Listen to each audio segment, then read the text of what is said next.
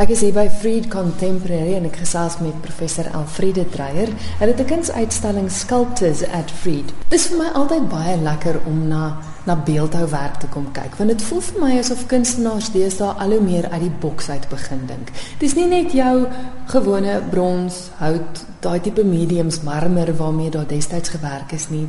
Daar's nuwe dinge. En daar's ook al hoe meer interdissiplinêre tipe van werk wat na vore kom. 'n Goeie voorbeeld daarvan op die oomblik is byvoorbeeld Heidi Fourie wat ons ingesluit het. Sy het 'n reeks uh skilderytjies vir ons gemaak, klein werkies wat eintlik 'n soort van 'n eerbetoon kan 'n mens sê. Sy noem dit Homage to Eduardo Villa, Homage to Angus Taylor, waar sy eintlik die beeldhouwerke geskilder het. Wat baie interessant is wat vir jou wys die invloede, die interaksie wat beweeg. En ons het gedink dit is 'n baie interessante komplement tot die uitstalling van beeldhouwerk dan. En dan het sy dit ook nog verder geneem deur byvoorbeeld uh die die beeldhouer in die ateljee te skilder en dan dit uh, voor te stel as 'n nuwe media werk. Dit word vertoon op 'n skerm dit is 'n animasie eintlik en dan ook die klein skillerytjies het sy as 'n tipe van 'n sekwens het sy voorgestel gebaseer daarop maar dit gaan oor die beeldhouer met ander woorde die persona in die ateljee. Ehm um, wat dan 'n kom 'n kommentaar is op hierdie hele interaksie en hierdie hierdie groot industrie waarmee ons besig is. Wat vir my interessant is, hier is jou gewone brons tradisionele werke van Cape Pots, maar dan is hier ook ander werke wat met heel interessante mediums. Ja, goeie voorbeeld byvoorbeeld is hierdie werk net hier agter jou uh, Regrowth van Louise Kritzinger wat natuurlik nou ook die Tammy Menyeli toekenning gewen het wat die ou Kempton Park kunsttoekenning is. Uh sy die eerste prys het sy gewen. En die werk wat sy daar ingeskryf het was werk wat gebas wat haar uh meesterswerk is vir haar MABK by Universiteit van Pretoria. En die werk wat ons hier het is 'n voortsetting van die inhoud waarmee sy daar gewerk het. En dit gaan oor 'n omgewingsbewustheid.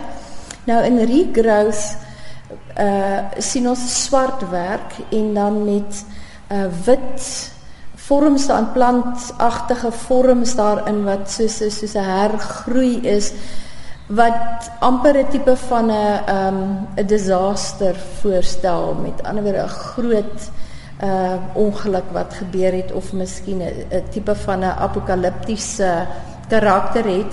Uh, dit is gemaak van alwynblare wat kliphard geword het en sy het, sy sê ook sy was verbaas om te sien hoe hard hierdie alwyn word nadat sy dit gedroog het.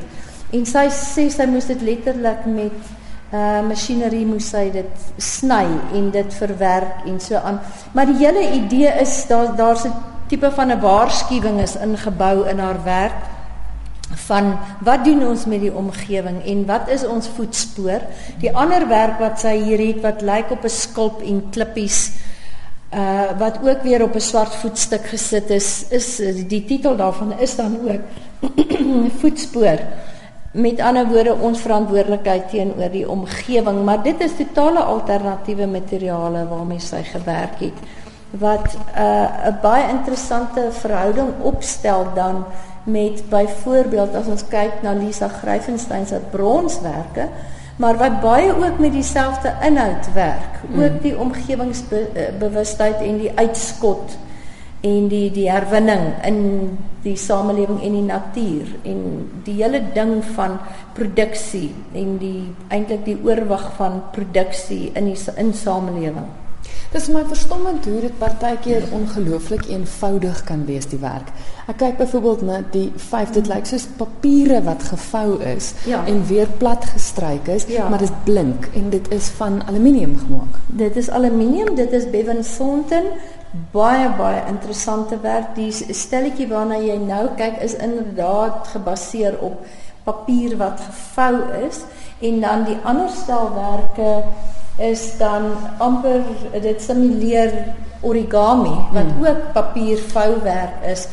En ehm um, dit het te doen met ook weer eens op 'n manier met hoe ons planne maak, hoe ons uh die rou materiaal eintlik vervorm in iets in wat 'n simboliese aksie is. So dit is dit het te doen met die beeldhouer natuurlik en hoe die beeldhouer kreatief werk, maar dit sin speel veel meer eintlik op die samelewing en op strukture in die samelewing en ideologieë en utopieë en hoe ons eintlik heeltyd besig is om ons lewe te herontwerp en die die die die wêreld rondom ons te herontwerp en die spore daarvan. En die spore daarvan is eintlik die voue wat jy in die papier sien in die vorms wat jy in die papier sien Maar wat so interessant is is dat hy dit nou gaan amper vir ewig het, kan jy sê in aluminium. Met ander woorde, dit is nie 'n stukkie papier wat gaan verlore raak nie. So daar's soveel vrae ingebou in die werk. Uh 'n papiertjie gaan jy opvrommel en gaan jy weggooi, maar die oomblik as jy beeldhou werk, het jy iets tasbaar en jy het amper iets amper ewigs, kan jy sê. Daar's baie ou beeldhoutwerke in metaal in die wêreld en van die oudste argeologiese stukke is ook in metaal. En ek dink daai hele sinspeling op ons argeologie van kennis en die die voetspore wat nagelaat word, baie interessant in die werk. Is daar nog 'n werkie wat jy graag onder die luisteraars se aandag wil bring? Ek dink hierdie werk van Talita, Talita Swarts en dan ook van Karen Lines is my interessante kombinasie. Dit is ook so gekureer dat dit saam uitgestal word in die galery. Hierdie werk van Talita werk nogal met die ehm um, met haar eie persoonlike geskiedenis. Sy noem dit my grey apron, maar ek dink moederskap en die moeder wat ook maar die verpleegster is en wat moet versorg, maar sy het 'n eyster voorskoot het sy moeder.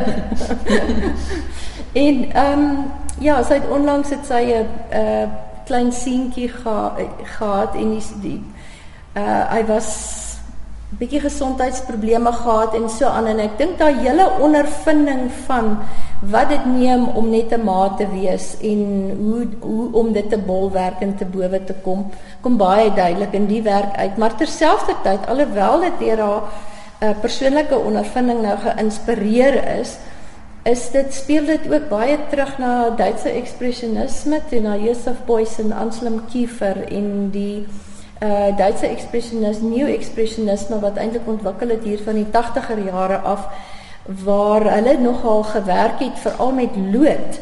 En dan hoe lood jou dit was eintlik 'n antwoord op die Tweede Wêreldoorlog en hoe lood jou dan die enigste beskerming kan bied teen byvoorbeeld ehm um, atoomkrag en atoombomme en so aan dat dit soort van jou jou absolute beskerming is. So daar is 'n verwysing in haar werk ook daarna.